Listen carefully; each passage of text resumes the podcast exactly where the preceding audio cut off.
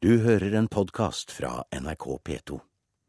Og eh, hos deg, Per Arne Bjerke, så er det klart for et politisk toppmøte. Det lønner seg ikke å gå fra trygd til arbeid, mener Erna Solberg, og utfordrer Jens Stoltenberg til duell om trygdeytelser og støtteordninger.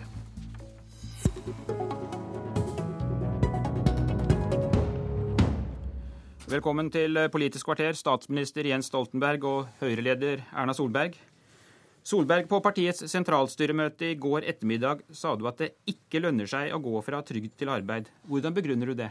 For en del grupper som eh, mottar f.eks. overgangsstønad og andre arbeidsavklaringspenger, så får de altså mer utbetalt eh, med de, med de tilleggene de har hvis de har barn, enn det de ville fått i en relativt sett normal, men lavtlønnet jobb i Norge. Og for grupper med lave kvalifikasjoner så betyr det at det lønner seg ikke å gå ut i jobb. Og da blir det rasjonelt at de blir, forsøker å bli værende på trygdeytelser istedenfor at de går ut. Og det som er farlig med dette, det er at vi bl.a. nå vet at det å være på sosialhjelp, det å få uføretrygd, det går faktisk også i arv. Det er, det er en mestringsstrategi som noen har, og det er, går fort i arv til deres barn. Den kjeden er vi nødt til å bryte. Vi er nødt til å bryte den med å gripe inn og få foreldrene aktivt ut i arbeid. Statsminister Stoltenberg, akkurat i dag passerer vi fem millioner innbyggere. Rundt 600 000 av oss mottar en eller annen form for helserelatert ytelse. Har vi utviklet et velferdssamfunn der det er litt for enkelt å lene seg tilbake og regne med at staten ordner opp? Først er det viktig å slå fast at det er en veldig fin kvalitet ved det norske velferdssamfunnet. At folk som er syke, folk som er uføre, folk som blir arbeidsløse, får trygd. Eh, og det store store flertall av de som får disse ordningene, eh, skal ha dem og bør ha dem. Så er det selvfølgelig noe misbruk. Det må vi slå ned på, og vi har satset mer på det. Men så har vi en annen gruppe som jeg vil si er mer gråsone. Det er der hvor man med noe mer tilrettelegging, noe bedre ordninger, kunne få flere i jobb. Og Der har vi gjort ganske fundamentale endringer de senere årene, basert på en grunnleggende erkjennelse av at det er ganske mange mennesker som ikke enten er 100% friske eller 100% syke, helt syke eller helt friske, men som er i en eller annen eh, mellomsituasjon. Og Da har vi lagt om trygdeordninger for å tilpasse det. Eh, på sykefravær så har vi nå begynt å bruke mye mer gradert eh, sykemelding. Dvs. Si at du er ikke 100% sykemeldt, men delvis sykemeldt. Og nå går sykefraværet ned. Det har gått med 10 uh, Uføretrygden det samme. Vi har gjort det mye lettere å kombinere trygd og arbeid. Og på alderspensjon er det en revolusjon. Fra 62 år kan alle i privat sektor nå fritt kombinere pensjon uh, og arbeid. Så det er en stor valgfrihetsreform der vi gjør det mye lettere å velge altså ikke være helt pensjonist eller 100% pensjonist, helt syk eller helt frisk men har kombinasjoner. Og summen av det gjør at mens vi fra 2001 til 2005 opplevde en klar økning i antallet mennesker som gikk på helserelaterte ytelser, så har det nå flatet ut, og vi har flere mennesker i jobb enn noen gang før. Så det er store utfordringer, men det er også en god del ting som går i riktig retning. Er ikke det et poeng Solberg, at det faktisk går ganske bra? At de fleste har jo jobb, og vi har veldig høy grad av sysselsetting? Men det er jo sånn at når vi blir flere, vi feirer jo i dag at vi er fem millioner nordmenn, så vil det være flere som er i jobb. Og en av de interessante tingene er at sysselsettingsgraden i den norske befolkningen har ikke økt noe særlig de siste årene. Faktisk så er det det kriteriet som Trond Giske forsøkte å utfordre Børge Brende på eh, når vi satt i regjering, nemlig at, eh, at eh, vi kunne ikke snakke om at det gikk bedre i økonomien når sysselsettingsgraden ikke økte. Den har heller ikke økt så veldig. Det, og det er litt av utfordringen vår. Vi har økt som befolkning ved bl.a. å importere mye arbeidskraft. Men vi har ikke klart å få ned f.eks. antallet funksjonshemmede noe særlig som står utenfor arbeidslivet. Der trenger vi et krafttak. Derfor var mitt hovedbudskap i talen i går at vi må gjøre ting for at folk ikke kommer på Nav. Altså det forebyggende arbeidet. Det går på å gi folk medisinsk behandling når de trenger det, få ned helsekøen og gjøre noe med skole. Det andre var at Nav-tiltakene må faktisk virke bedre enn de gjør i dag. Og de virker ikke godt nok fordi vi får en prosess hvor mange sykeliggjøres i løpet av den prosessen. Eh, Stoltenberg, er det egentlig slik at, eh, at vi har full sysselsetting fordi at veldig mange går på Nav? Nei, det er det ikke. Eh, vi har uh, veldig mange mennesker i jobb. Uh, sysselsettingsandelen, andelen av befolkningen som er i jobb, er klart høyere nå enn under den forrige regjeringen. Så jeg tror alt sånn samling med tall, så tror jeg Høyre skal være forsiktige, fordi vi gjør det altså vesentlig bedre i arbeidsmarkedet nå enn vi gjorde tidligere. Det er riktig at vi er ikke på samme høye nivå som i 2008, men det er altså blitt 300 000 flere i jobb i de årene siden, som har gått siden uh, 2005. Men det er noe med igjen med å være nyansert og få fram mangfoldet. Det er veldig mye som går bra i Norge. Det er veldig mange mennesker i jobb. Vi har lav arbeidsløshet. Uh, midt i en periode hvor det er høy ledighet, krise i mange europeiske land, så har vi lavere ledighet i Norge enn de siste 20 årene. Det at det er mangel på arbeidskraft, det at det er lav ledighet, er kanskje det viktigste vi gjør. Også for å få de som er litt i ytterkanten av arbeidsmarkedet, funksjonshemmede og andre, inn i arbeidsmarkedet. fordi når bedriftene mangler ansatte, når det er press i arbeidsmarkedet, så bidrar det til at bedriftene må anstrenge seg noe mer for å ansette folk. Så press i arbeidsmarkedet, som vi vanligvis omtaler som et problem, mangel på folk, som vi omtaler som et problem, er faktisk en fordel i denne sammenhengen. Fordi det blir lettere å få inn de som ja. uh, sliter litt. Men jeg vil spørre deg, Erna Solberg, Her sitter jeg med Dagsavisen fra forrige tirsdag. Der sier du at uh, denne regjeringen driver kortsiktig ledelse og investerer for lite i den delen av næringslivet som ikke har med oljen å gjøre. Men er ikke det viktigste at vi tross alt midt i en kriseperiode har Europas laveste ledighet, slik statsministeren er inne på? Nei, det viktigste er at vi klarer å kombinere å ha lav ledighet og sørge for at de fremtidige generasjoner også opplever lav ledighet. Da må vi investere mer i forskning og utvikling, i kunnskapen, i å sørge for at vi har et samfunn som kan bære velferdssamfunnet vårt fremover. Men jeg har lyst til å si én ting om det som, som statsministeren nå sier. Han må ta bakkekontakt. For selv om det er mye som går bra, så er altså situasjonen at blant funksjonshemmede, blant yrkeshemmede, så opplever de ikke at den vekstperioden vi har bak oss, har gitt de lettere tilgang til arbeidsmarkedet. Vi har ikke fått til det Stoltenberg nå sier, nemlig at hvis vi får press i arbeidsmarkedet, så vil flere av de komme ut. Nei, de opplever at de blir stengt ute, og de kommer til fordel for at det altså da tas inn arbeidsinnvandrere. Det betyr at vi må gjøre mer ting. Vi må se på tiltakene på en bedre måte. Og et av de tingene vi har forsøkt å si nå i alle årene Jens Stoltenberg har sittet i regjering, og som var en del av det som var vår Nav-reform, det var at alle skal møtes med aktivitet. Unge som kommer på Nav-kontoret skal møtes med aktivitet fra dag én. De skal ikke stå og vente og vente og bli sykere på veien, bli mindre arbeidsdyktige. Og det er en av de tingene som fortsatt skjer i vårt samfunn. Og Nav-reformen skulle være en kvalitetsreform på dette. Der er vi ikke ennå. Stoltenberg? Men igjen, altså det er eh, ikke slik at alt fungerer eh, perfekt. Men det er likevel slik at det f.eks. gjelder oppfølging, så unge arbeidssøkere så får 90 eh, aktivitetstilbud gjennom Nav.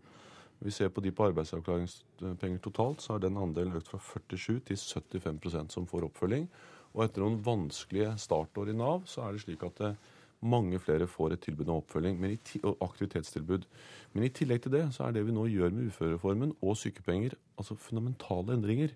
For det viktige vi gjør med uførereformen, er å gjøre det mye lettere å være litt ufør og litt i jobb. Eh, kombinere. Det tror jeg er veldig viktig, for det senker terskelen i arbeidsmarkedet. Det samme på sykepenger, at vi gjør det mye lettere å være delvis sykemeldt. Ikke helt syk, ikke helt frisk, men noe midt imellom. Og de to reformene ser det nå ut til gir gode utslag, fordi vi ser f.eks. at sykefraværet går ned. Som hovedårsak til det er økt bruk av gradert sykemelding. Så vi er åpne for å se og lære å lytte hele tiden, gjøre ting bedre. Eh, overgangsstønad, altså den stønaden du får nå hvis du er enslig eh, forsørger, der har vi strammet inn. Nå er det slik at du etter ett år må ta imot aktivitetstilbud, utdanning, arbeid. Ellers så mister du overgangsstønaden. Det er en ganske klar innstramning, eh, men som premierer nettopp det å gå i jobb. Så vi vil hele tiden anstrenge oss. Uh, Arbeiderpartiet er opptatt av arbeid, fordi vi vet at det er nøkkelen både til å skape og til å dele.